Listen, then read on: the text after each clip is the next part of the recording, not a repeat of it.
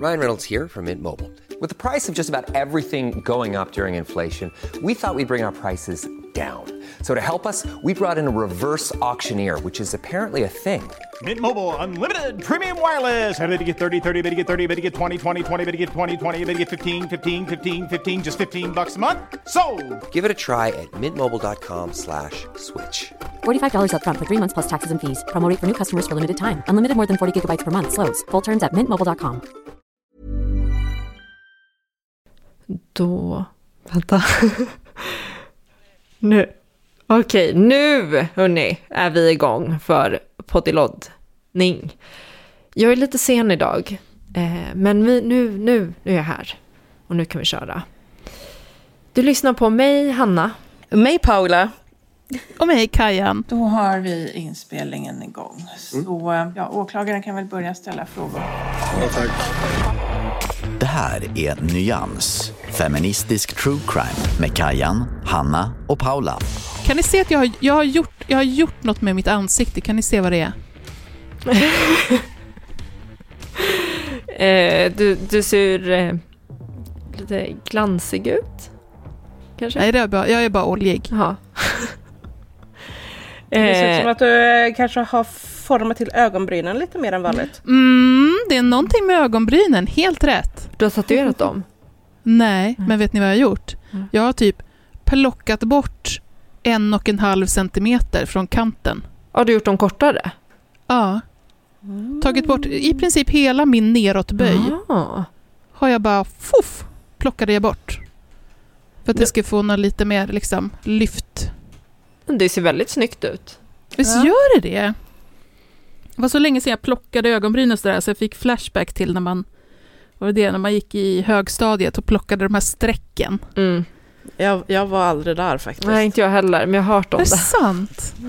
Jag, jag har sett dem, jag hade Ja. dem i klassen. Men eh, det var aldrig min grej. Jag är för lat. Ja. Men tyckte du det var snyggt?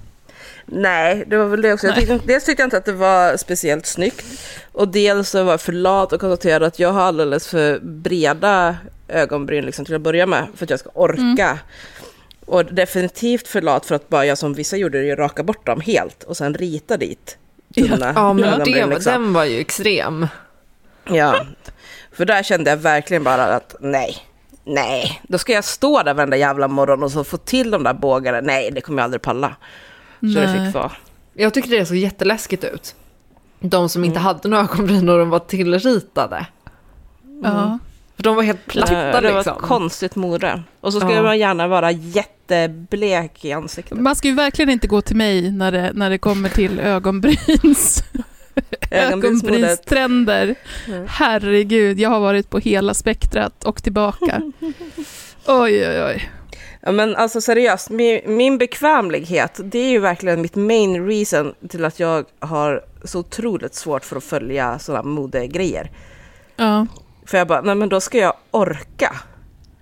Mm. Jag är som dig Paula. engagera mig. Jag ska orka raka benen hela tiden. Jag ska orka frisera fiffi. Jag ska orka smink och ögonbrynsfix och så vidare. Och så, vidare. så jag bara nej. Nej, jag är som dig, jag orkar ingenting. Alltså det är minimum här.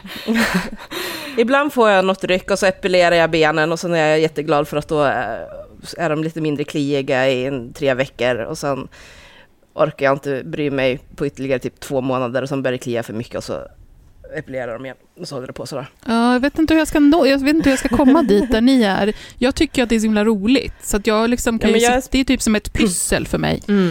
Men jag kan ju tänka att eftersom du tycker att det är kul så finns det ju ingen anledning att du ska Nej. sluta. Nej, jag tänker också Nej. det. Det är ju bara, var glad för det, tänker jag.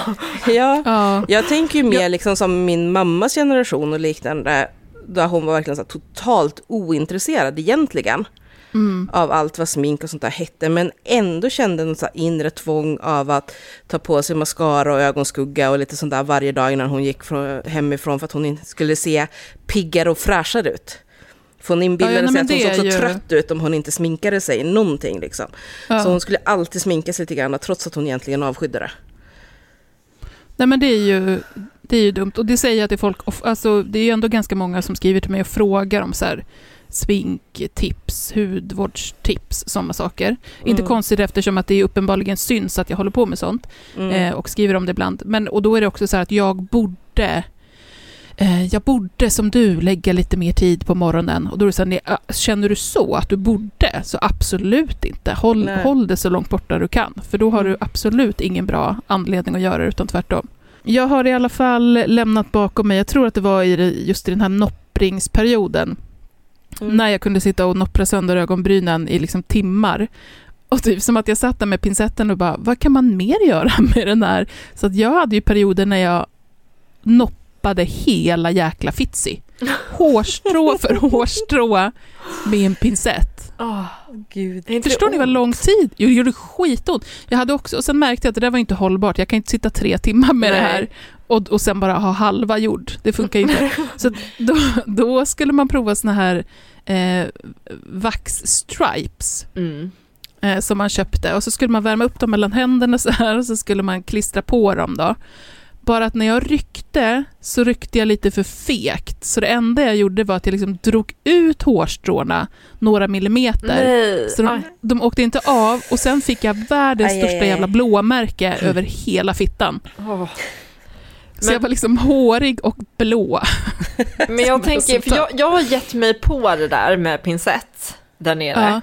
Ja. Jag orkar typ tre hårstrån, sen är jag gett upp. Ja. Men framförallt för man står ju som en ostbåge liksom. Jag har nog suttit tror jag, i liksom någon slags skräddar Ja. position. Ja, men det, det är ju inte ergonomiskt, det, det kan man ju inte säga att det är liksom... Det är inte uspen för det, definitivt inte. Nej, dumheter.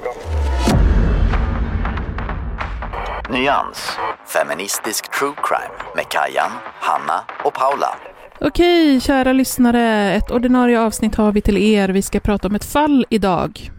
Eh, det här fallet kallar vi väl något i stil med Ödehusmordet, tänker jag mig.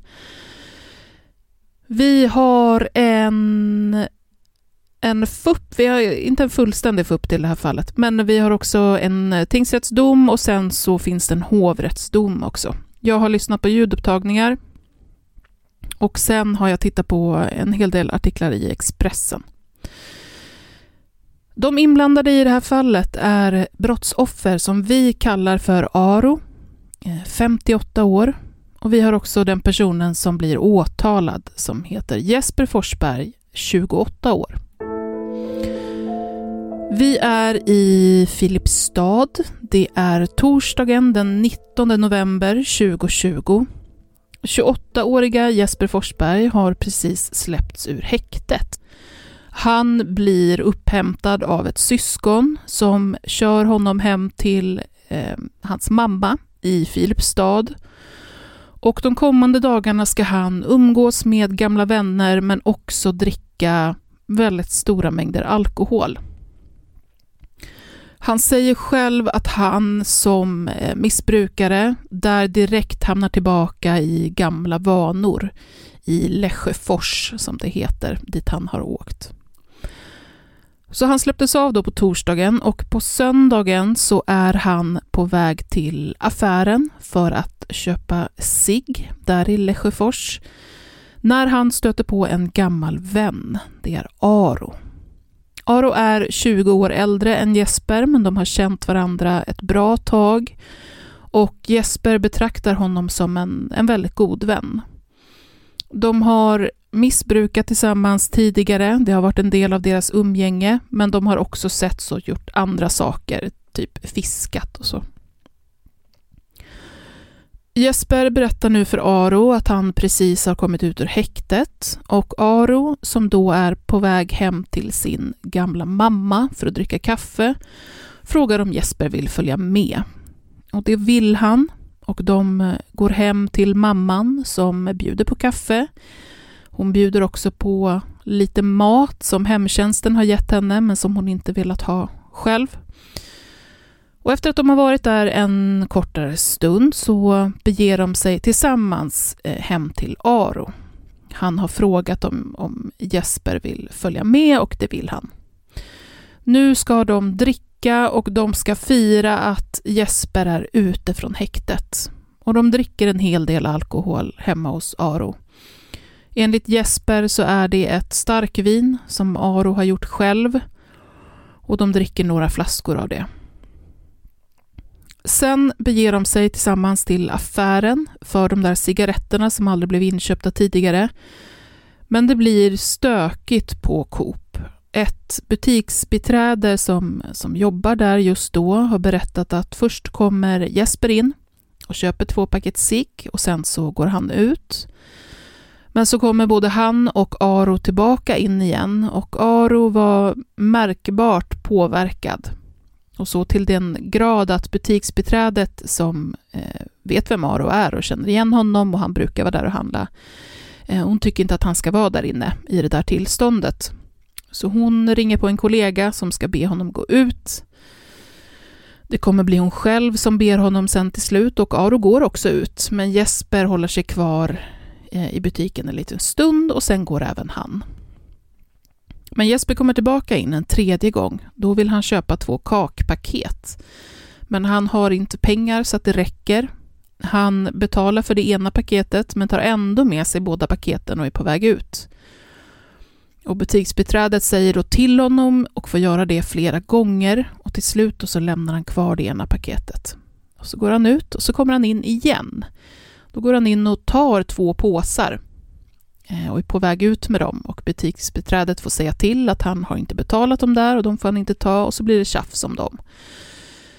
När han äntligen går ut den här sista gången så dröjer det inte mer än någon minut innan eh, ett av affärens skyltfönster kraschar. Eh, biträdet tycker inte att Jesper verkade särskilt full alls när han var inne, men själv kommer han under huvudförhandlingen mena att han var ordentligt berusad och eh, inte minns det här särskilt väl alls. Eh, ingen har riktigt sett vad det är som händer med det här skyltfönstret heller, men det låter, eh, ska jag säga att jag tycker, på Jesper i alla fall, under förhandlingen som att det är antingen han eller Aro som, som kraschade. Efter Coop så berättar ett vittne, en man, om hur Jesper Forsberg går fram till honom Eh, helt oprovocerat, frågar om han ska ha stryk och måttar knytnävslag mot honom. Eh, den här mannen har ingen aning om varför eh, Jesper går fram till honom och beter sig på det här sättet, men en anmälan om misshandel kommer upprättas. Det visar sig sen att den här killen som blir påhoppad av Jesper har en storebror som Jesper och Aro också kommer stöta på en kort stund senare. Och båda de här bröderna känner Aro sedan tidigare. De har varit eh, grannar. Det händer inget mer med den äldre storebrorsan, mer än att de pratar lite grann. Um, Jesper och Aro beger sig till ett hus som Jesper i princip annekterat. Eh, han säger själv att han hyrde boende där tidigare, det verkar som att han gjorde det, men att han blev vräkt för, flera månader sedan men eh, påstår själv då att han inte har fått någon information om att han har blivit vräkt. Så när han kommer ut från häktet så bryter han sig in där och så, så bor han där.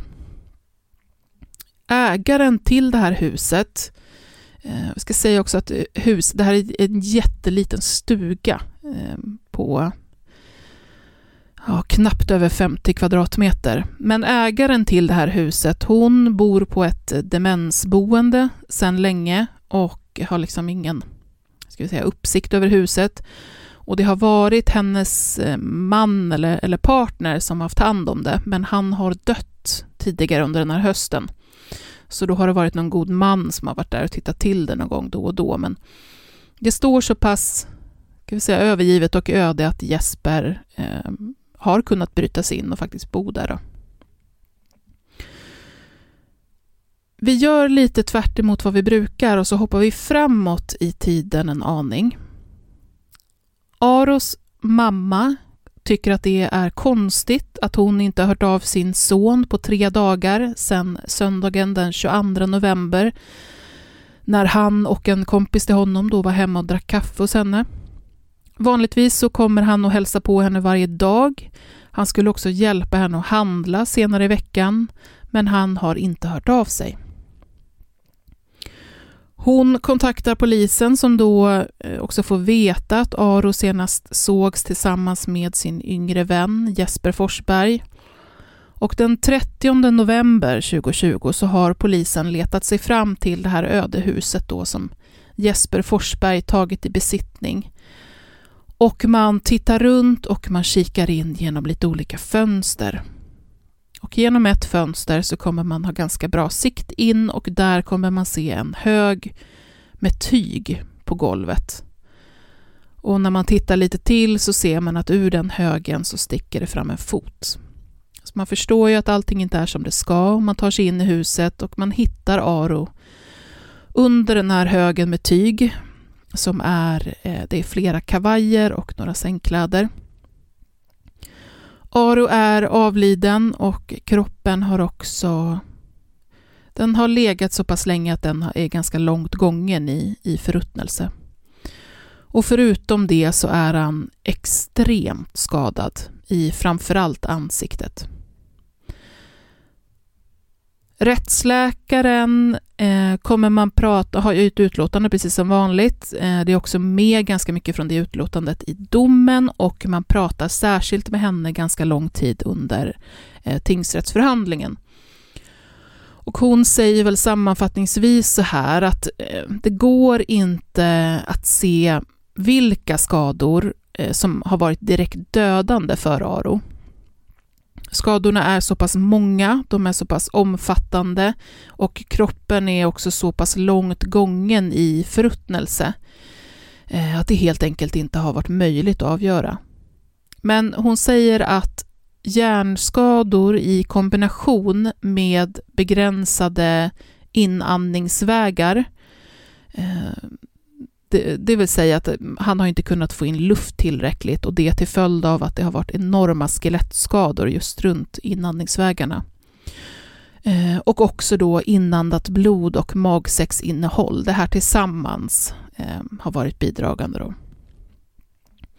När det kommer till ansiktsskelettet på Aro så är det alltså eh, så många frakturer att det bara är fragment av allting egentligen. Alltså skelettet är i små delar och hela ansiktsskelettet har också släppt från skallen för att det är så många frakturer. Det är smulor allting.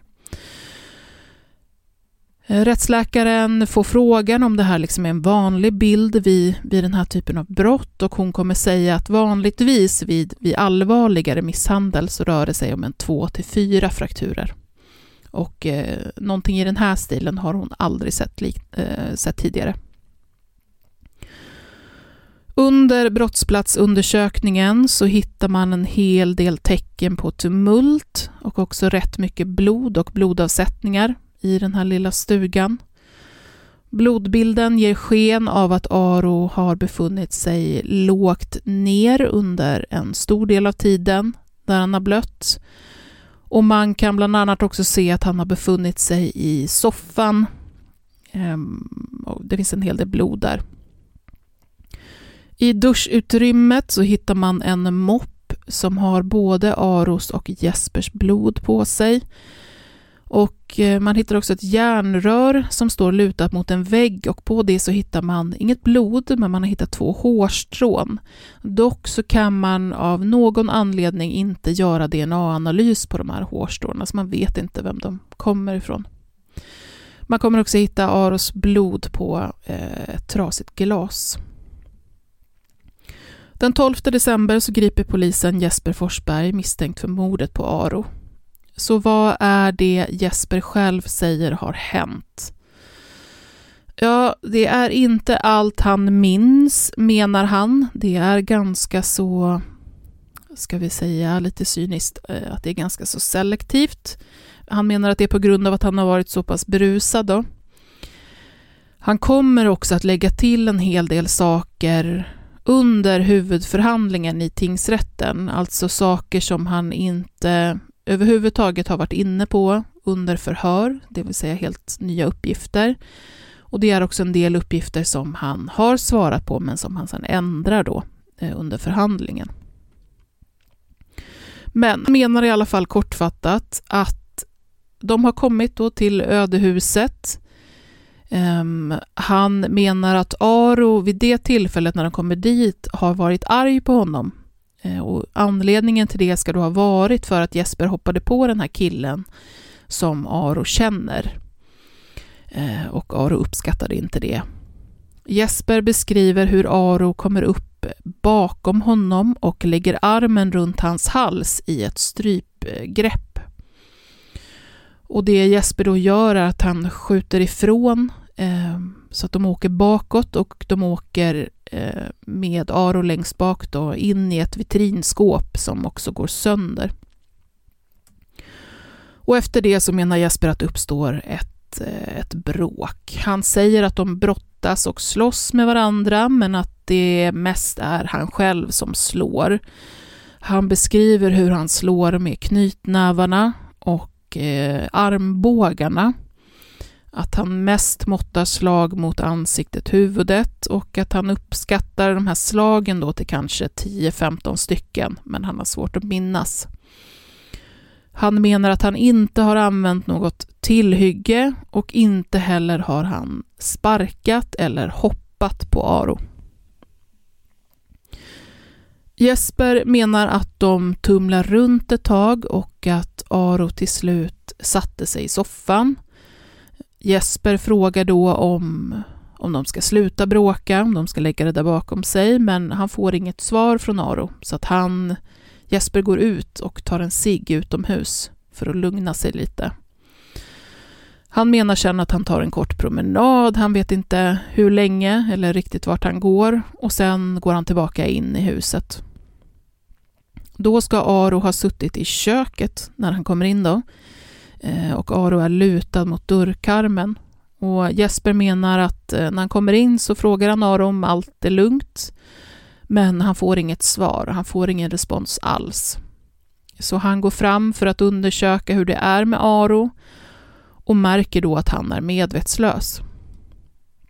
Det är också ganska mycket blod, säger han. Jesper menar att han känner efter puls på båda sidorna ehm, Eh, av halsen och att han också gör inblåsningar. Ehm, det vill säga blåser in luft genom Aros mun, men att det bara, det bara bubblar eh, och bubblar ut blod när han gör det.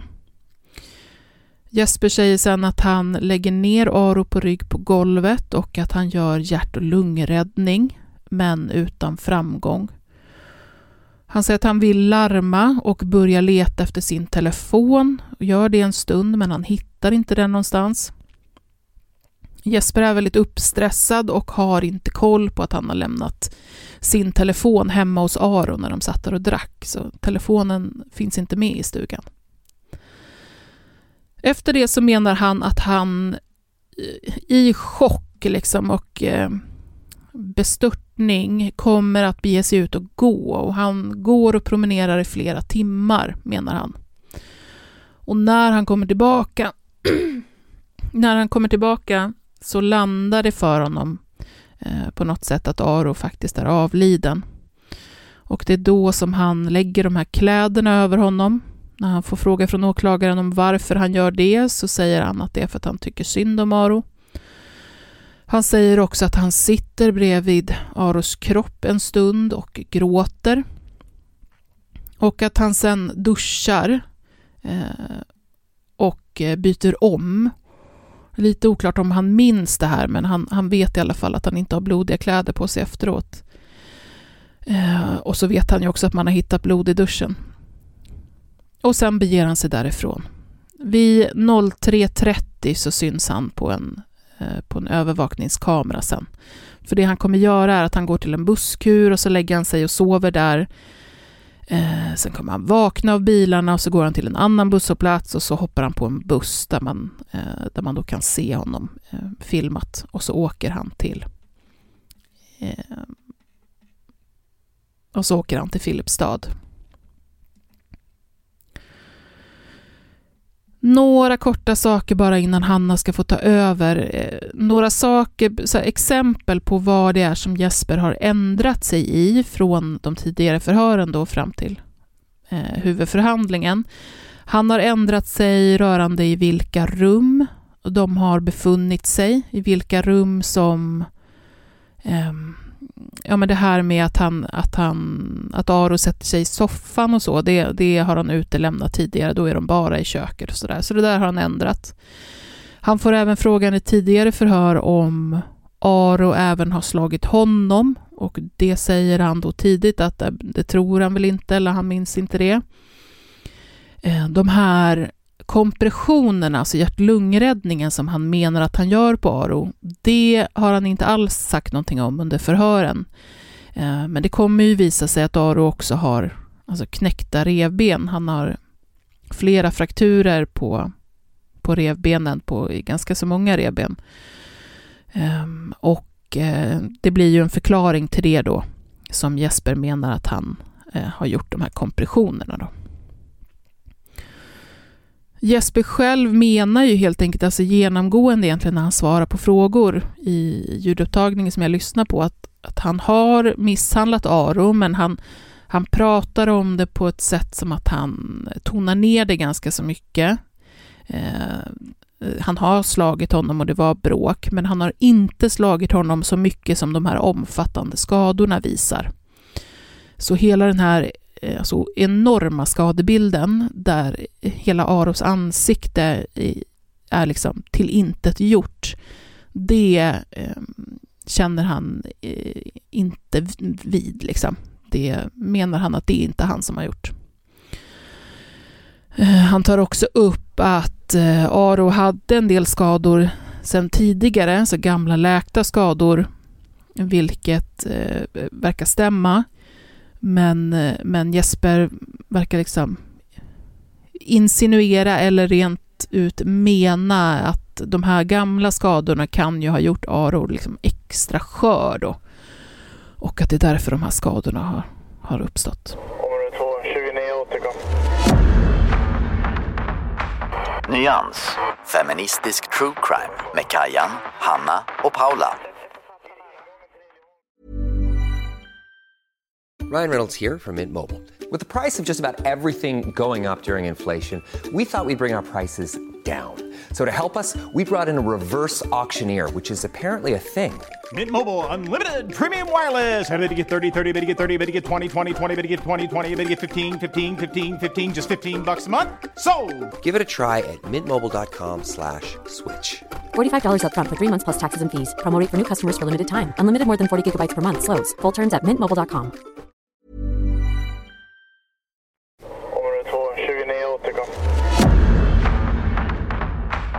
Nyans, feministisk true crime med Kajan, Hanna och Paula. Jesper åtalas för mord. Han erkänner misshandel och att han utövat ett visst våld, men inte så omfattande som åklagaren påstår och han nekar till eh, mord.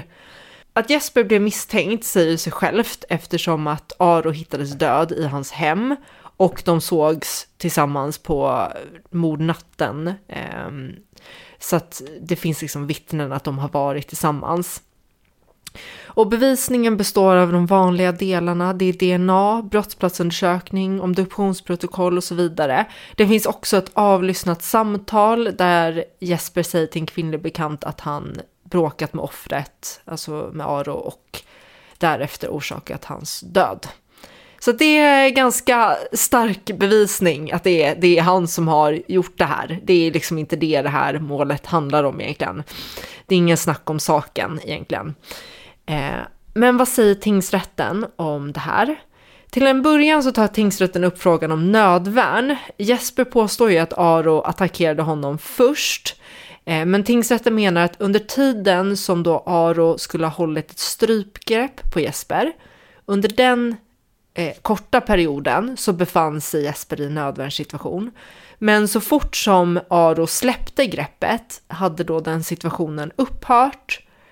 Eh, så att när Jesper började slå Aro så var, var det inte en nödvärnssituation längre. Så att svaret är nej, han befann sig inte i det. Eh, frågan om det är Jesper som har dödat Aro är, det, det säger bara tingsrätten ja, det är han de köper inte alls Jespers berättelse. Eh, som han kommer med i tingsrätten. Han, han insinuerar ju, eller så här kan man väl säga, att han öppnar upp för en lucka i tid då han säger att han, har, han kommer med nya uppgifter om att han varit ute på en promenad i cirka 30 minuter. Och tingsrätten säger ju så här, ja det, det är rätt tydligt att han försöker öppna upp här en, en tidsmässig lucka för att det ska vara möjligt att det är någon alternativ gärningsman som då skulle under den tiden kunnat kommit in och då fortsatt misshandla Aro till döds. Och det här är ju en helt befängd, eh, befängt påstående. Eh, det, det köper de inte alls. Men däremot så godkänner de Jespers uppgifter eh, något motvilligt får jag väl ändå säga. Eh, om att de här Frakturerna som Aro har kan ha orsakat av det. Jesper påstår att han gjorde HLR. Så att i den delen så menar man att det inte är han som har orsakat det. Men det har ju ingen betydelse för helheten. Men de ger honom ändå det. De säger att ja, det verkar som en efterhandskonstruktion men det går liksom inte att utesluta. Eh, när det kommer till uppsåtet så menar tingsrätten att det rör sig om ett likgiltighetsuppsåt. Och det är på grund av att det finns inte någon planering och det finns inte heller något liksom, tydligt motiv. Bevisningen talar istället för att det eh, rör sig om ett, liksom, att han har varit likgiltig inför risken av att eh, Aro skulle dö av den här misshandeln. Eh, och det, det är ju liksom en impulshandling. Eh, menar man. Så att, det, så att han, eh, han ska i alla fall dömas för det här mordet, men då med likgiltighetsuppsåt. Eh, och när det kommer till påföljden så säger tingsrätten så här. Våldet som Jesper har utdelat har varit kraftigt och Aro har tillfogats omfattande och allvarliga skador som lett till döden. Våldet kan närmast beskrivas som helt besinningslöst. Förloppet måste ha varit förenat med ett oerhört stort lidande för och gärningen har varit särskilt hänsynslös. Vid en samlad bedömning av omständigheterna anser tingsrätten att någon annan påföljd än livstidsfängelse kan inte komma i fråga. Så att Jesper döms till livstidsfängelse i tingsrätten. Men det här överklagas till hovrätten som faktiskt sänker straffet till 16 års fängelse. Så det är ett ganska rejält eh, hopp där. Och det gör man för att det inte föreligger några förmildrande eller försvårande omständigheter, anser man. Och de säger vid en samlad bedömning av omständigheterna framstår gärningen inte som så kvalificerat allvarlig att livstidsstraff ska dömas ut. Inte heller omständigheterna så försvårande att det motiverar ett lägre tidsbestämt, längre tidsbestämt straff än fängelse i 16 år. Eh, hovrätten tar också fasta på att det rör sig om ett likgiltighetsuppsåt, vilket anses vara liksom den mildaste uppsåtsgraden, och att det varit en impulshandling. Eh, det är ju knepigt när man, eller inte när man uttrycker det, men man reagerar ju när man hör hur, att de, att de formulerar sig som inte kvalificerat allvarligt. Och sen så vet... Ja, så, precis. De säger inte så kvalificerat ja, allvarligt. Ja, så det blir ju, jag fattar ju vad de menar, ja. men det blir ju olämpligt. Ja, men precis. Det är det, han har liksom blir, inte, alltså, hans ansikte har lossat från skallen för att det har varit ja, sånt övervåld. Eh. Ja, jag, jag, tycker att de borde, ja men precis, alltså det är ju gan, jag tycker tingsrätt, eller domstolen generellt är ganska duktiga på att uttrycka sig på ett mm. sätt som inte blir eh, liksom... Ja, men offensiv. Att man får... Ja, precis, ja. offensiv. Men här så, så nådde de inte hela vägen, om man säger så. Nej, Nej men precis, man fattar ju vad de menar och det är ju korrekt, ja. men det blir lite magstarkt. Ja. Eh, Ja, för det är ju alltid, liksom alltid, när det är mord så är det alltid jätteallvarligt och då blir det ju, det finns ju en anledning till att man inte säger ringa mord utan dråp. Mm. För att det kändes osmakligt att säga att ett mord är mil, milt, mm, liksom. Det var, det var lite, lite mord. Det var lite, ja det var lite mord. Ja. Eh, nej men och det är därför man bara, nej men okej vi får hitta på ett helt eget, mm. ett helt eget ord för mm. det. Även om det de facto är ringa mord. Mm. Eh, så att det, ja. Men jag, alltså jag, jag, jag, alltså om det är så att man kommer fram till, alltså egentligen tycker jag den stora frågan är ju så här, finns det försvårande omständigheter. För att den, eh, om man kommer fram till att det inte finns försvårande eller förmildrande, då är det ju 16 års fängelse. Så att i den, Mm. det är ju ingen konstig slutsats att det blir det, men jag tycker ändå att man man kan resonera om det inte är just att det är det här övervåldet. Det är ju en grej som skulle vara, kunna vara försvårande, eller är försvårande. Men frågan är om det är tillräckligt mycket försvårande för att det ska bli livstid. Alltså övervåldet, precis. Och det här är ju, alltså som sagt, det är inte ett litet övervåld. Det är ungefär så mycket Nej. övervåld som det kan bli.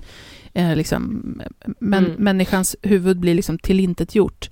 Eh, men Mm. också tycker jag att han, att han gömmer kroppen. Man hittar ju också, ja, vi vet ju att han lägger liksom eh, kläder och så över kroppen, men man har också kunnat hitta blodspår på liksom en fönsterkarm och sen att det liksom är eh, gardin för, så att man, man ser det ju då som att gardinen har dragits för i efterhand.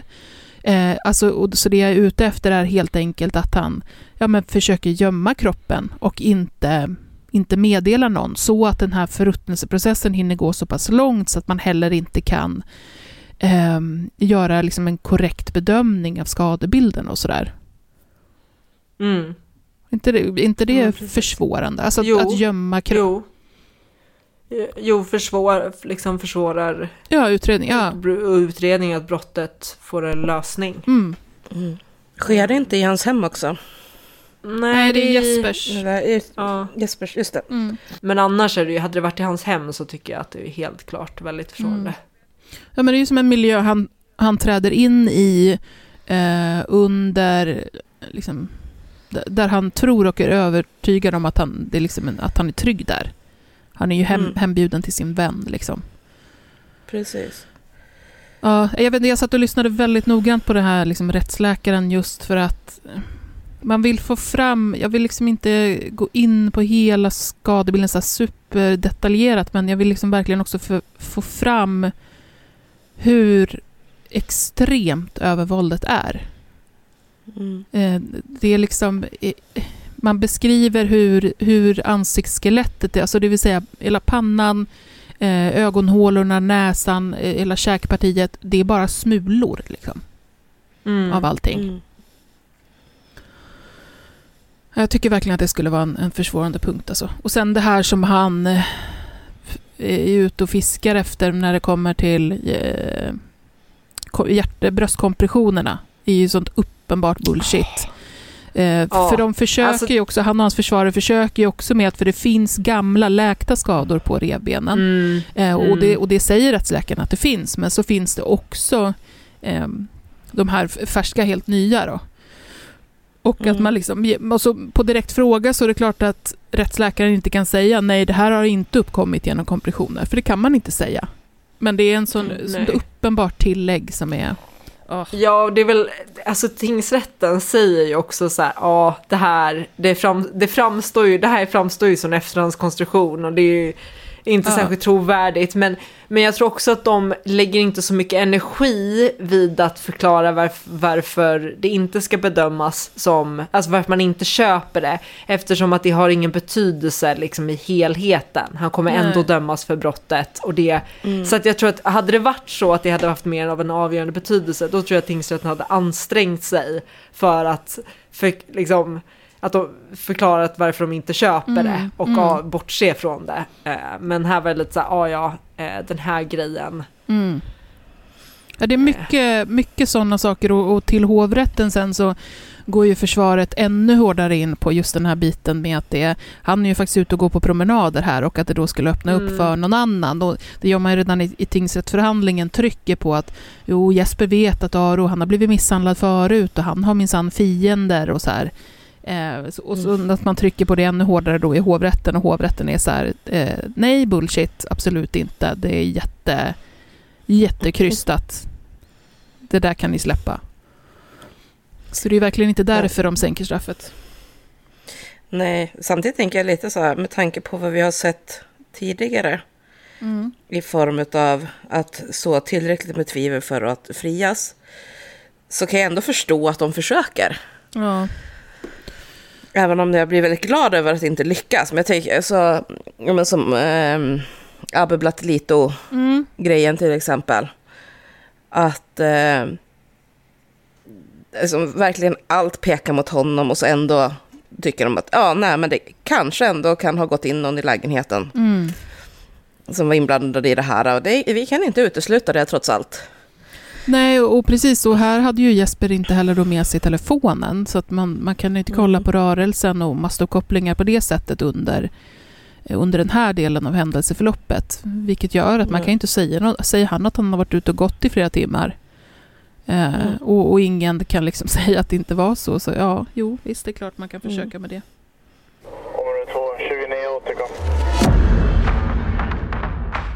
Nyans. Feministisk true crime med Kajan, Hanna och Paula. Mi- Mitt så här första spontana, det är ju lite så här, nu, nu blir det mycket återkoppling mot gamla avsnitt, gamla fall. Men blir inte det här också bara ännu en i varianterna av jag såg svart och visste inte vad jag gjorde. Men istället för att han slog ihjäl sin flickvän så slog han ihjäl sin kompis. Jo, alltså det, det sållar sig till samma, samma kategori skulle jag säga. Eller hur? Nu måste jag tänka om jag, om jag håller med. Vänta. Nej, men jag vet inte om jag tycker att jag håller med. För att, det, för att han har ändå... Det han snarare gör istället för att så här... Ja, jag fick en blackout, jag såg svart, jag hade liksom ingen kontroll över mig själv och därför blev det så här. Så säger han ju snarare...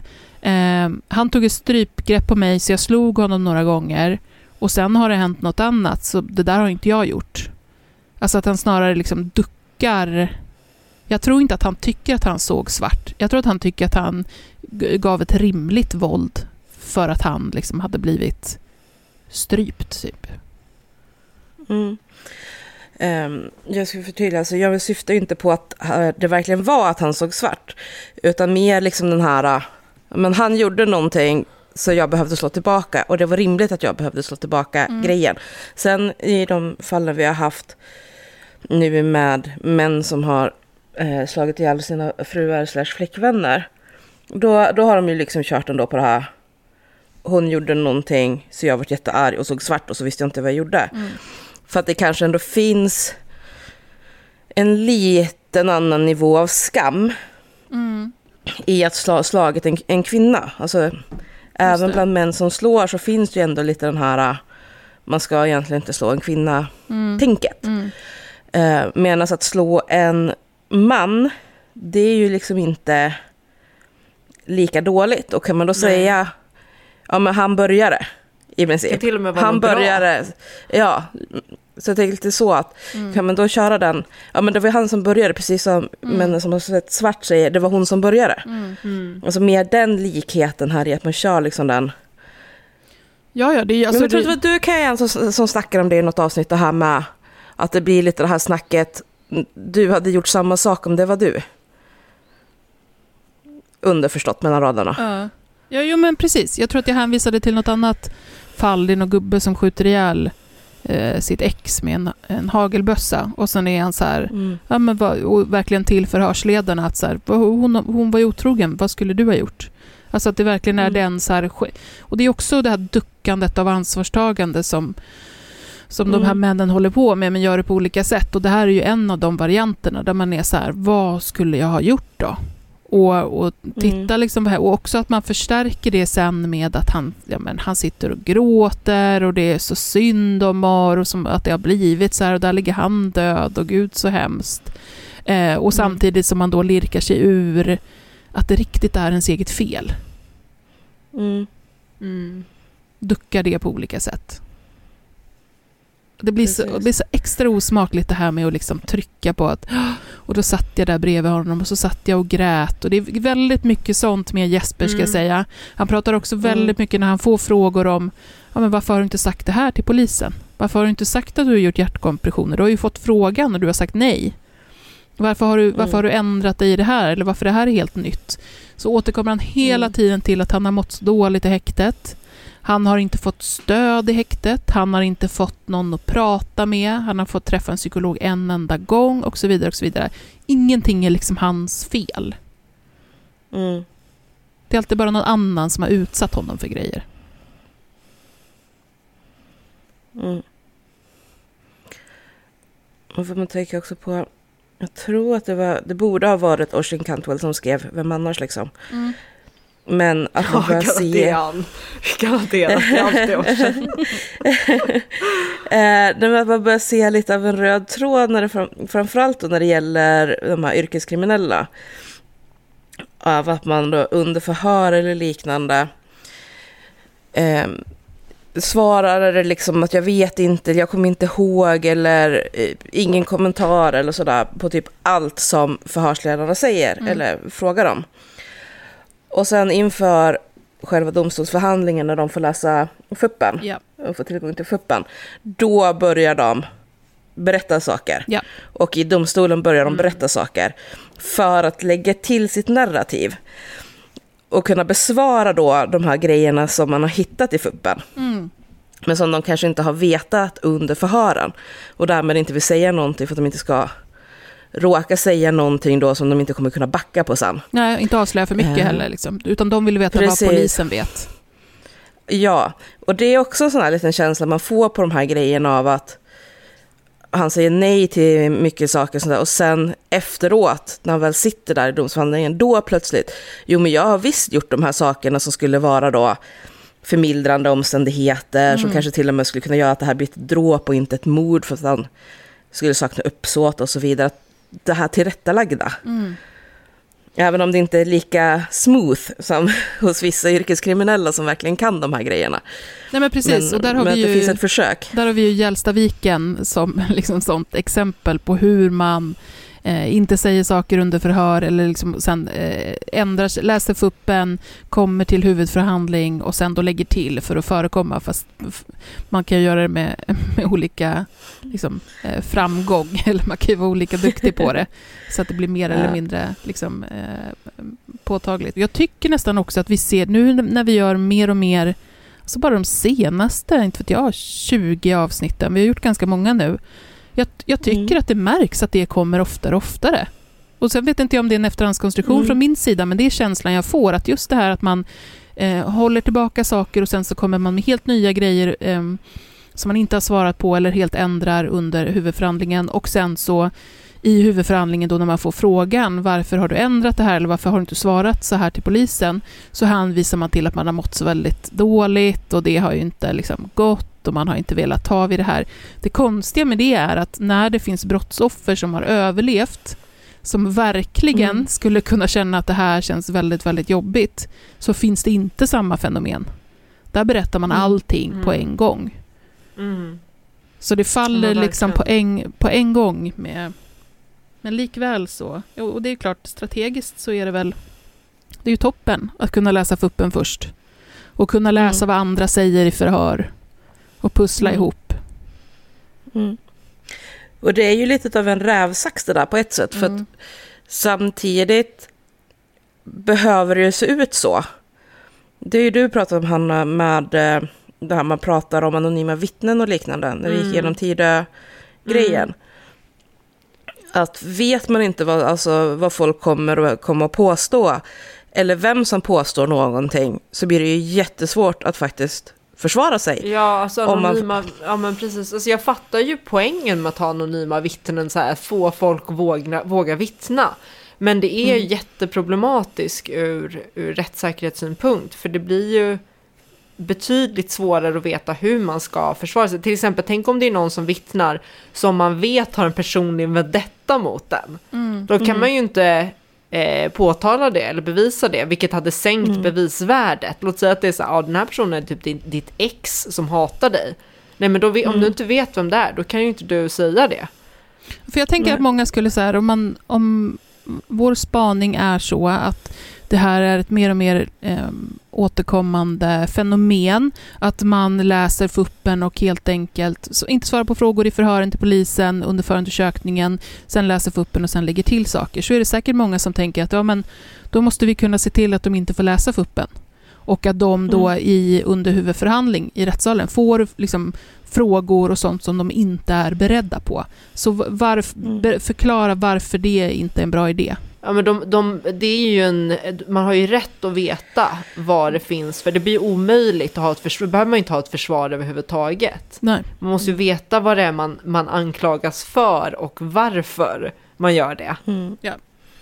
Mm. Det är ju liksom det som är grunden, att du ska kunna kunna komma med, ha ett försvar. Det, kan ju, det finns ju faktiskt gånger då, då folk blir friade för att de har en förklaring. Eh, och de, att de kan komma med, med motbevis som förklarar olika skeenden och varför de har befunnit sig på en plats. Ta det, eller, eller bara det här med att ha ett alibi. Ja. Nej men jag var faktiskt här med den här personen som kan vittna om att jag var det. Då måste du få veta vad åklagaren har för bevis. Så att du kan Men tror inte det. ni också att människor kanske har en, uppfatt, en missuppfattning då om att både polisförhör och också under huvudförhandling, att det liksom handlar om att, om att sätta dit liksom, den misstänkte. För jag vet att man säger att eh, förhörsledare säger det liksom ofta, ganska upprepat under förhör, att så här, jag är här för att lyssna på dig, jag är inte här för att lura dig Mm. med saker, jag är inte här för att liksom Och det här pratade vi om förhörsteknik i ett avsnitt nyligen, så det ser ju Mm. förstås olika ut, men, men i den liksom svenska kontexten, att det här handlar inte om att jag ska försöka snärja dig med mina frågor, utan jag vill veta. Eh, Och sen kommer man ju såklart ställa följdfrågor och liksom ställ, försöka reda ut sånt som inte går ihop. Mm. Men jag tänker mig att, att många kanske har en ganska amerikaniserad bild av att det handlar om att ja, men till exempel åklagaren ska ja, men ställa en fråga och sen aha, nu sa du så, Mm. men alldeles nyss så sa du så, hur ska du ha det? Mm. För att inte Mm. tala om eh, i det Mm. amerikaniserade där man plötsligt kan dra in då så här, eh, överraskningsvittnen som har liksom som, Mm. som specifikt syfte att ta den anklagade på, på sängen. Så att den verkligen inte ska Ja. ha hunnit förbereda någonting. Och sådär. Och det är ju också sådana grejer som gör att det är mycket dyrare med rättegångar i bland annat USA och andra länder där man tillåter sån typ versus Sverige. Eftersom i Sverige om du får veta det här är de bevisningar som finns och kan bygga ett försvar på de bevisningarna och därmed kalla rätt personer från första början. Då kan man ju beta av allting på en gång. Men ska det dras in överraskningsvittnen eller komma något bevis som man inte har sagt att man har och sådär, då måste man ju emellanåt avbryta. Och så får man säga så att äh, du får fyra dagar på dig att plocka fram de här bevisen du har som motbevisar de här grejerna och så får man fortsätta sen. Och det är ju ett jävla pyssel att hålla på och avbryta och starta upp rättegångar fram och tillbaka för att det tillkommer bevisningar. Eller Ja, motbevis. men nu, framförallt USA har ju en betydligt större, ska vi säga, någon så här Sherlock Holmes-komplex. att det ska vara verkligen så här, de ska vara så kluriga och sen helt plötsligt när alla liksom minst anar det så ska de säga aha, jag presenterar det här föremålet som kommer avslöja allting. Så ser ju inte, så ser det ju inte ut här. Och så ska det ju inte se ut heller. Alltså jag, jag vet ju att USA har ju väl betydligt mer komplicerade bevisregler än vad vi har. Vi har ju fri bevisföring, vilket är att vi kan langa fram vilken bevisning man vill som helst. Det finns inga begränsningar. Medan i USA så har man ju inte på det sättet, utan om du har till exempel samlat in bevis på fel sätt så kan ju det beviset strykas. Men, men det är inte, jag, jag delar inte riktigt bilden av det här med eh, aha, eller liksom det här eh, ta, nu tar jag dig på sängen med det här beviset eh, bilden från, från när jag har varit. Jag menar inte nödvändigtvis att det eh, är så, men att, det, att den, ska vi säga, den bilden av Mm. Amerikanskt bilden rättsväsende finns. som Ja. vi nås av Ja, ja. eh, går, går väldigt mycket ut på det. Mm. Och sen är ju det alltså delat Ja. ifrån inte vet jag, true crime-dokumentärer och sånt där det vi får se det absolut mest uppseendeväckande eh, och ska vi säga inte vardagsmaten i, i rättsväsendet Mm. och såklart blir påverkad av det men också populärkulturen förstås. Däremot så är det ju mer, Mm. mer, jag vet inte vad jag ska säga, skådespel, men inte riktigt kanske, men mer fokus någonstans också på att åklagaren ska kunna göra en form av berättelse i sin slutplädering. Som ska dra med sig juryn och få dem att känna liksom att det de säger är det mest rimliga. På det sättet är det ju lite mer av en show i amerikansk eh, rättsväsende än vad det är i svensk rätts- rättsväsende där vi är, som i så mycket annat, väldigt byråkratiska, väldigt torra egentligen. Och där det blir lite mer, oj vad händer nu när någon åklagare eller advokat drar iväg lite grann från de här mer faktamässiga grejerna. ja, jag tror att det finns en del Ja men precis. Alltså jag tror att det finns säkert en hel del både åklagare och advokater som, som har tagit intryck av det och gör mer av det här berättelse. För att jag menar, det är ändå till syvende och sist människor som sitter och som ska döma eh, där. Och att liksom få med sig dem och få deras gillande och sånt där. Jag tror att det finns nog en hel del som tänker Ja men på det. precis, tror att det är det blir det som skiljer. De pratar ju för en publik liksom. Mm. Men jag tänker att i och med att i USA till exempel, att man ändå har den här grejen i flertalet delstater. Så det- är ju det som är knepigt med USA också, när man pratar om det och vilken bild vi får av populärkultur och true crime och sådär. Det är ju också att det ser olika ut i olika eh, delstater. Eh, Men jag tänker att i till exempel Mm. delstater där man har som norm att eh, livesända rättegångarna så blir det ju ännu mer utav show. För då har du dels juryn som Mm. till ganska stor del ska ö- liksom mer övertalas än faktiskt bara gå på det här torra fakta, det här är vad vi vet-grejen. Ehm, och som när man också vet eh, liksom från vissa liksom så större mordrättegångar eller liknande, att nu kanske det sitter hundratusen personer på YouTube och tittar på det här samtidigt. Så det är klart att det drar med. Och det är, alltså, ja, det är så otroligt märkligt hur, hur man kan göra och att rättsväsendet själva lägger upp men från förundersökningar. Jag har ju sett på YouTube att de har lagt upp till exempel när de gör plott, eh, brottsplatsgenomgång. Alltså går och filmar brottsplatsen när den döda personen fortfarande ligger där. Oj, oj, oj. Och så filmar de liksom hela och så fram till kroppen, att här ligger kroppen och så. Och det är inte censurerat eller någonting. Och så har man lagt upp det på YouTube. På den liksom delstatens rättsväsendets egna YouTube-kanal. Det är väldigt konstigt. I Sverige får man inte ens ta bilder Nej. in i rättssalen. Nej. Då åker man ut med huvudet först. Om du typ ens tar upp telefonen och typ vinklar den på fel sätt så kommer Ja. de bara app, app, app. Ja, Lex eh, Maria Sveland. Precis, jag tänkte också. Ja. Eh, nej men, och också att, och det kan vi säga om man inte har koll på det, alltså att de fuppar så som vi läser, där det är mycket, det är ju bildmaterial eh, ofta. Eh, eller det är alltid bildmaterial, men det är ganska mycket bildmaterial. Men där är det ju alltid, alltså vi, det är ju inte som att vi får sitta och se bilder från alltså obduktionsgenomgång. Vi får ju inte se bilder på kroppen, för att allt sånt där är ju bortplockat eller, eller eh, censurerat. Ehm, och sen så sitter man ju förstås att, de som, att rätten som sitter och dömer får ju förstås se helheten, Mm. men det är ju en helt annan jag vet inte, värn, värnande om, Mm. om eh, individens integritet på det sättet. Och då är det ju ändå väldigt mycket man får se som är ehm, ja, men som det vänder sig i magen Mm. duktigt liksom. Men, men mycket är ju också bortplockat från, från det vi sitter och tittar på när man begär, begär ut. Mm. Precis. Framförallt Tack och lov. Ja, tack och lov. Framförallt är det ju, de jag kan komma på på rak arm, där man faktiskt har sett en del av bilderna, då har det ju framförallt gällt misshandelsfall till exempel. Där de inte har censurerat bilderna av eh, blåmärken och liknande som har fotats och lagts med.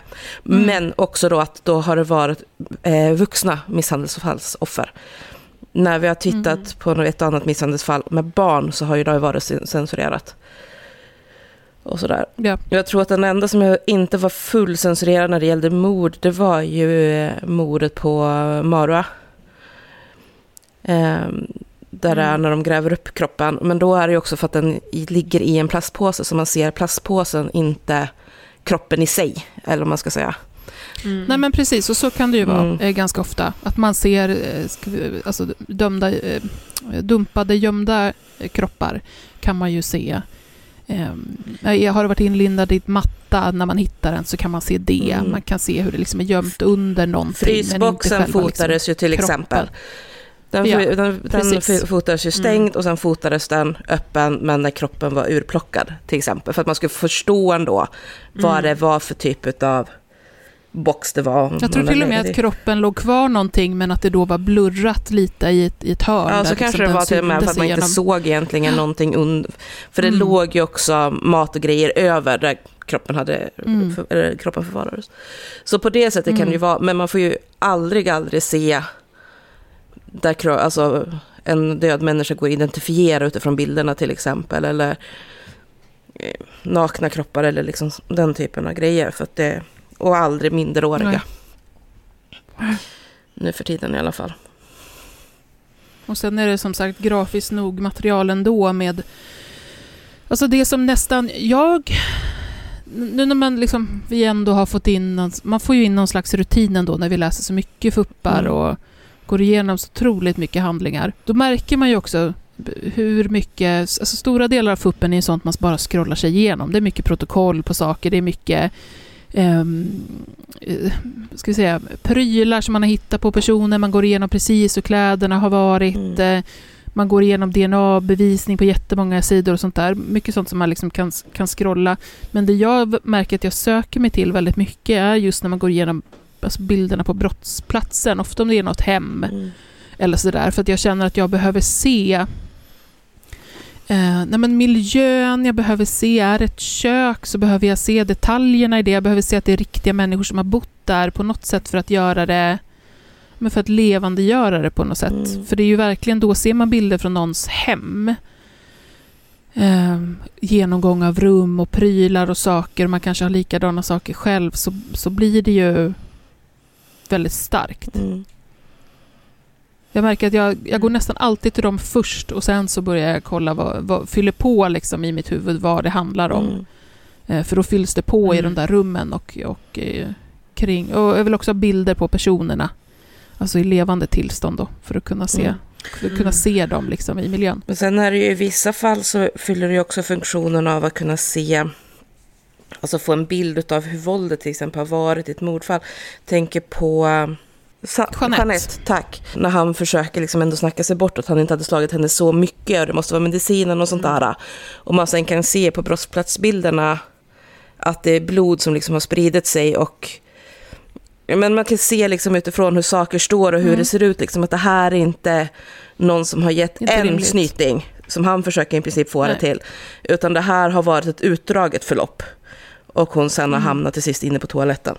Så, ehm, det är något annat fall där jag vet att vi pratade om, och då kunde man se släpspår i blodet till exempel. Alltså, alltså sådana saker som när de försöker hävda någonstans att jag gjorde ingenting eller det var en olyckshändelse och sånt där. Alltså när det blir den typen av grejer i närområdet eller där, liksom där det här har hänt Mm. så blir det så mycket tydligare någonstans eh, hur lögnerna går. Mm. Och så. Tänker jag. Det, det fyller i på något sätt liksom det här att kunna genomskåda det de säger.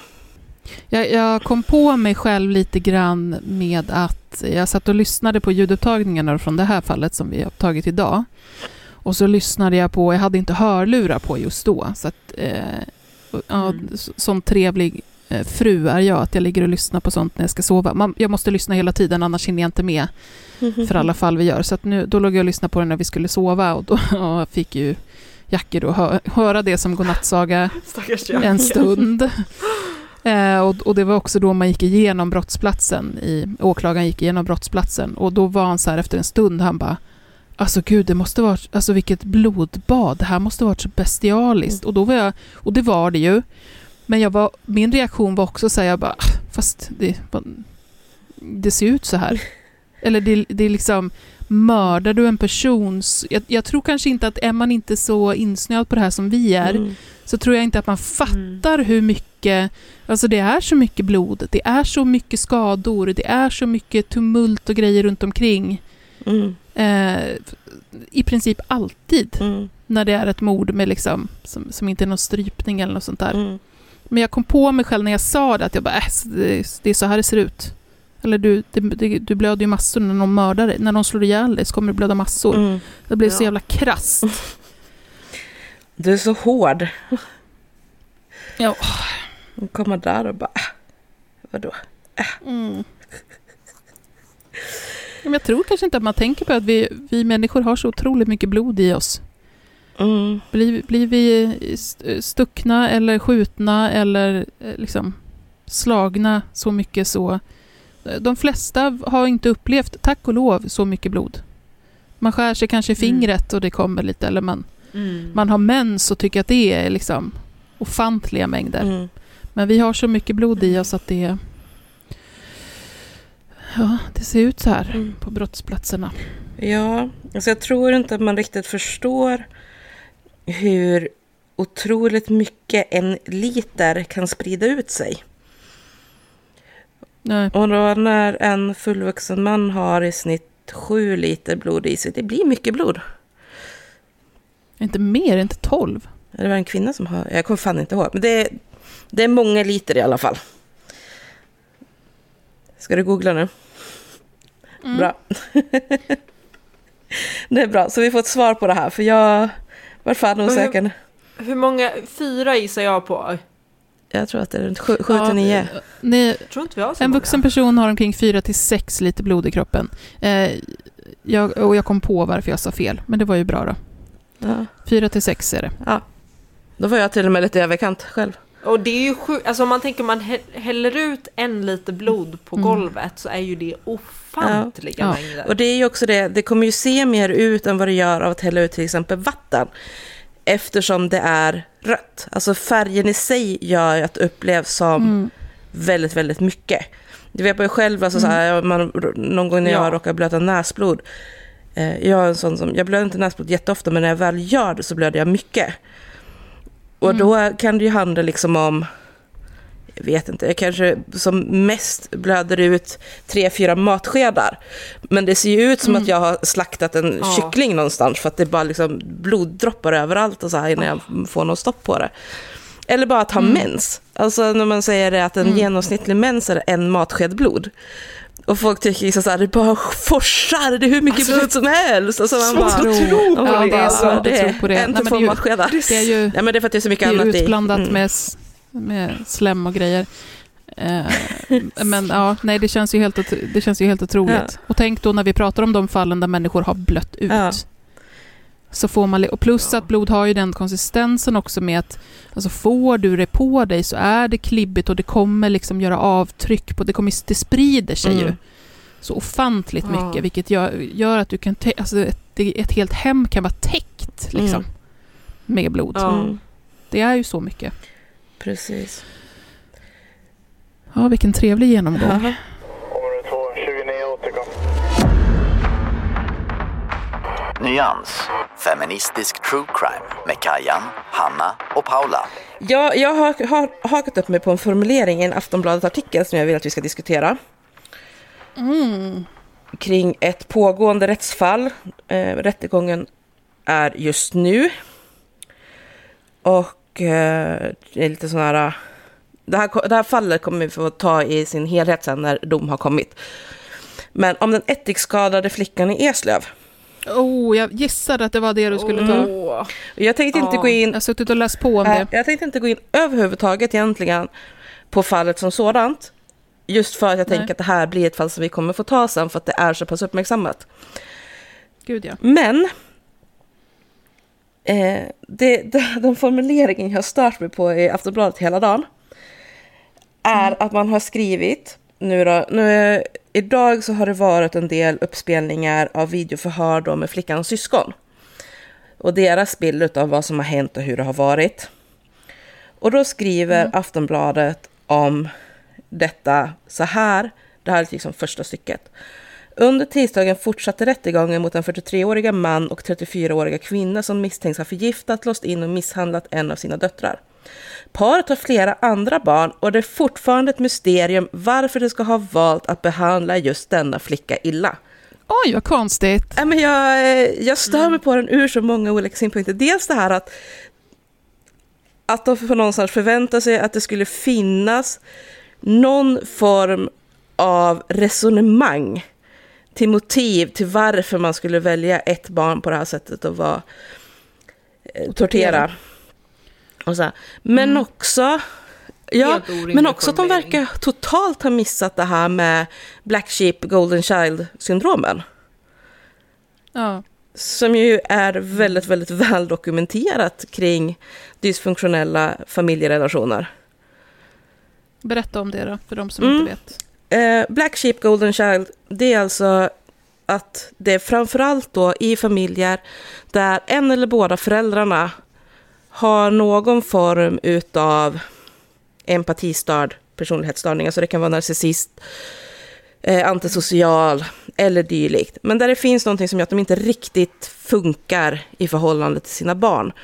Och det rent psykologiska i att kunna ge ett barn den typen av omvårdnad barn behöver.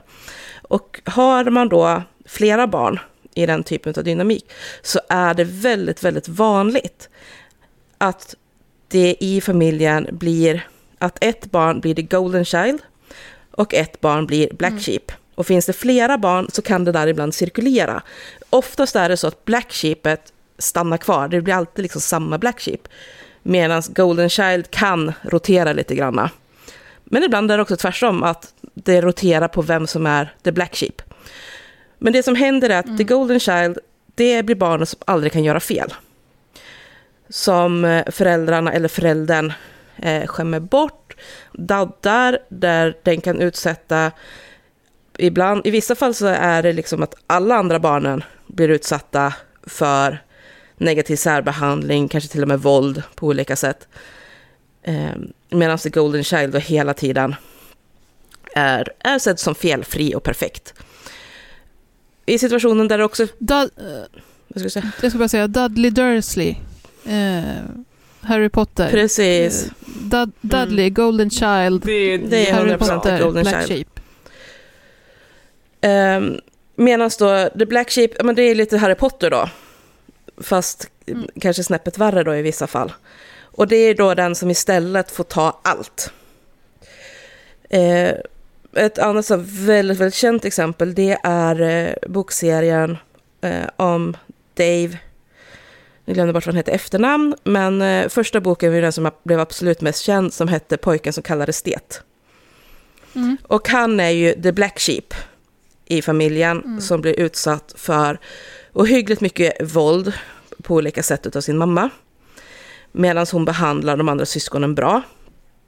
Och enligt honom så när han till sist blev omhändertagen av sociala myndigheterna och vid ett tillfälle av misstag stötte på sin familj så kunde han se att ett av hans andra syskon hade fått tagit hans plats. Eh, mm. Så att när han inte längre fanns att vara den huvudsakliga mottagaren då av mammans våld så gick mamman över på ett av de andra barnen. Eh, och han har också sagt i efterhand i en intervju när böckerna kom ut att det är utav hans syskon som aldrig var den som blev utsatt. Som liksom fick vara the golden child genom den här uppväxten. Eh, det är den brorsan som än idag har liksom suttit i intervjuer och hävdat att eh, Dave bara hittar på allting, mamman har absolut mm. aldrig gjort någonting. De hade en helt normal barndom och så vidare. Vilket ju mm. liksom inte stämmer, för Dave har dokumentation, han kan visa upp liksom att han var fosterhemsplacerad från ungefär nio års ålder om jag kommer ihåg rätt. Och så vidare. Det så blir att, ju som att The Golden, The Golden Child har ju som en skuld som måste betalas in på något sätt. Ja. Alltså en, en, en tacksamhet kring, alltså det är förutom då det uppenbara faktumet om att man kanske inte har sett allting, men en del har man ju sannolikt mm. sett. Men eftersom du då upptagits av liksom din förälders godhet på något sätt mm. så kommer ju det ligga närmast till hands att också försvara den. Ja, det är också så i vissa fall, jag tänker inte säga alla, men man vet att eh, det här med att vara narcissistisk och ha en narcissistisk personlighetsstörning kan vara ett resultat av barndomstrauma. Och ett sånt barndomstrauma mm kan vara att växa upp som the golden child. Det vill säga mm. att få se mm. föräldrarna på olika sätt trycka ner sitt syskon eller kanske flera syskon och leva i någon form av ständig rädsla för att bli det barnet samtidigt som man får höra att allting man gör är perfekt. Och den här dubbelheten då av att leva med rädslan för vad händer om jag inte är perfekt samtidigt bemötas med att man aldrig gör någonting fel, att någonting alltid är någon annans fel. Um, och så vidare, som kan leda till att man efter ett tid utav att leva i den här typen av dynamik också börjar lära sig att till exempel då, om man nu har gjort någonting som man vet att man inte skulle, och som barn ändå är, blir rädd för vad kommer hända nu om jag åker fast för det här. Och så veta det någonstans att om jag skyller nu på mitt syskon, som mina föräldrar ändå alltid skäller på, då kommer jag komma undan. Och så gör man det. Att för att då skydda sig själv ifrån skammen, för man vet ju ändå någonstans, även som ganska litet barn, att det jag gjorde nu var fel. Samtidigt som föräldrarna säger, du kan aldrig göra något fel. Alltså den här mindfucken som det blir, kan leda till att man utvecklar en narcissistisk personlighetsstörning. Vilket också kan bidra till att väl som vuxen så kommer man förneka allting som inte får en att verka så perfekt som man har blivit inlärd att man är. Mm. Det här är så himla intressant. Otroligt Och läskigt. Eh, det, det jag kan tycka är nästan läskigast av den här typen av kunskap, det är att jag har sett hur narcissistiska personer, som på riktigt är skadliga för andra människor och hur de beter sig, använder den här typen av kunskap för att säga liksom det att ja, men jag har också blivit utsatt för ett barndomstrauma, jag kan inte rå för det här, jag är bara som alla andra människor. Att prata om narcissistisk eh, abuse eller att man som narcissistisk person har en tendens att köra över andra människor eh, och göra andra människor illa. Det är ableistiskt, det ska man inte säga och så vidare. Det tycker jag nästan är det mest obehagliga. Att man faktiskt, i, i, om man nu ska vara sån, i sann narcissistisk anda, använder manipulativ. sån här manipulation för att säga att nej, du får inte prata negativt om vad jag utsätter dig för. För det är taskigt. Nej. För jag, för jag Ja. är också ett offer för någon form av då trauma eh, och kan inte rå för hur Just jag är. Just det. Då är det victim blaming och då är det ableism. Och... Och vad är ableism? Jag säga, typ rasism mot personer med funktionsnedsättningar och variationer. Jag tänker bara med just så här, eh, med den här artikeln. Jag försöker tänka ut vad det är som motiverar att man formulerar sig så. För, för man måste ju inse, inse någonstans att det såklart inte finns en... ehm, alltså typ en så här, varför blev du mobbad? Jaha, det var för att du var tjock och hade glasögon. Alltså att, det, att man letar någon sån förklaring. Det, det måste man ju förstå att det inte handlar om det. Mm. Men vad är, vad är det man vill... Vad är det man vill åt? Eller hur? Jag tror inte de tänkte Nej. igenom det ordentligt. Jag tror att de kanske, för- det de ville försöka säga var att än, än så länge saknas en, motiv, en motivbild. Mm. Vilket ju hade kunnat vara rimligt.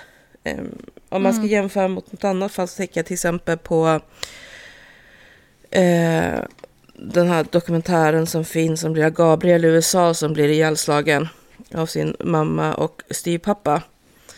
Eh, Mm. och det, där var ju deras motivbild att de eh, skulle slå ur honom att han var bög. Att genom att misshandla honom så skulle han bli heterosexuell. Var ju deras tankegång liksom. Och det, och det är liksom så, ja fine, det är ett motiv. Den är klappkass. Och eh, de, förtjä- de förtjänar att sitta inne jättelänge. Och så. Men, men det finns ändå någon form av motiv, alltså hur de har tänkt i det här. Medan som jag förstår det då med flickan i Eslöv så finns det ingen sån kassförklaring heller. Man vet liksom inte alls hur föräldrarna har tänkt och varför de har gjort det de har gjort. Mm. Men det blev otroligt klumpigt formulerat. Ja, det blev klumpigt. Område 2, 29 återkom. Nyans. Feministisk true crime med Kajan, Hanna och Paula. Tack för att ni har lyssnat. Jag hoppas ni tyckte det var intressant. Ni får hemskt gärna eh, skriva någonting på Instagram. Dela gärna i story när ni lyssnar, för det är väldigt kul att se vad ni, vad ni har för er. Ni kanske ligger i sängen bara och lyssnar. Jag tror inte det. De flesta brukar göra någonting samtidigt. Eh, laga mat kanske? Eller när lyssnar ni på podd? I och för sig, Kajan lyssnar alltid, till och med när hon ska Ja. sova på Ja, rättegångshandlingen. alltid. Eh, till hennes mans förtret. Han har vant sig. Hur som helst. ja, om ni inte är Patreon så gå in och bli Patreon. Direkt. Vi Och väntar. det är verkligen för erans skull. Alltså, det är på riktigt Ja, er. Och lite, Ja, det är lite för vår skull, men det tänker jag att det är underförstått. Men mest för er skull. Nej, men, och helt så seriöst, Vi tänker på vänder er. vi på det, om, om inte fler blir Patreons och så att vi liksom kan, kan göra det här långsiktigt så kommer vi inte ha någon nyanspodd för er att lyssna på. Så i förlängningen blir det ju så krasst. Men också att ni har ju så jäkla mycket material som ligger och bara väntar. Och när man blir Patreon så får man ju inte bara tillgång till det som kommer, utan till allt som ligger bakåt också. Så att man kan ju liksom stänga in sig i fan två veckor och bara lyssna på nytt material om man Mm. vill. Det tycker jag du ska göra. Om du har möjlighet. Ta tjänstledigt. Ja. Stäng in dig och lyssna. Bara på oss. Kommer du vara helt ny människa. Helt förändrad när du kommer ut. Jag vet inte om det är till det bättre eller till det sämre. Men någonting lär hända i alla fall. Ehm, Den som hur som får se. helst. Tack. Puss och kram. Puss och kram! Hejdå! Hej.